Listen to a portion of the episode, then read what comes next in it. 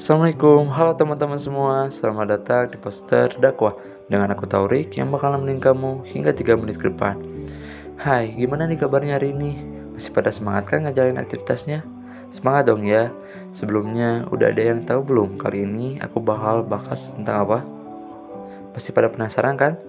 Nah, jadi pada episode kali ini aku mau bahas tentang suatu yang kayaknya udah jadi keharusan dalam berkumpul Padahal itu malah jadi kemudaratan buat kita. Ya, itu adalah gibah. Kalian pernah gak sih ngibahin seseorang? Entah itu teman, sahabat, bahkan mungkin guru. Mudah-mudahan enggak ya.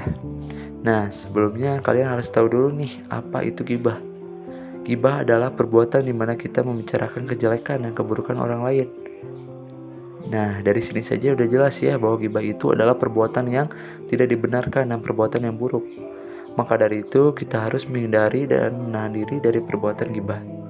Di samping itu juga gibah memiliki banyak dampak buruk loh. Dampak dan bahaya dari gibah itu sendiri yang pertama, gibah dapat menguras emosi dan merusak suasana hati. Yang kedua, gibah dapat merusak reputasi diri. Yang ketiga, gibah dapat menyebabkan pelakunya mudah menghakimi dan merasa insecure. Yang keempat, gibah dapat merusak relasi. Dan yang terakhir, gibah dapat mengganggu kesehatan mental dan fisik pelakunya.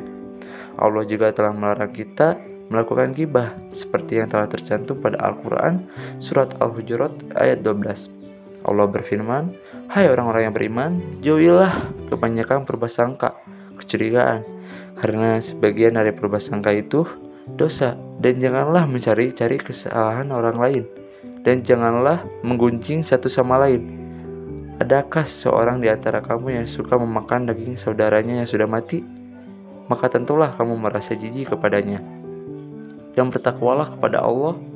Sungguh Allah maha penerima taubat lagi maha penyayang. Maha benar Allah dengan segala firman-Nya.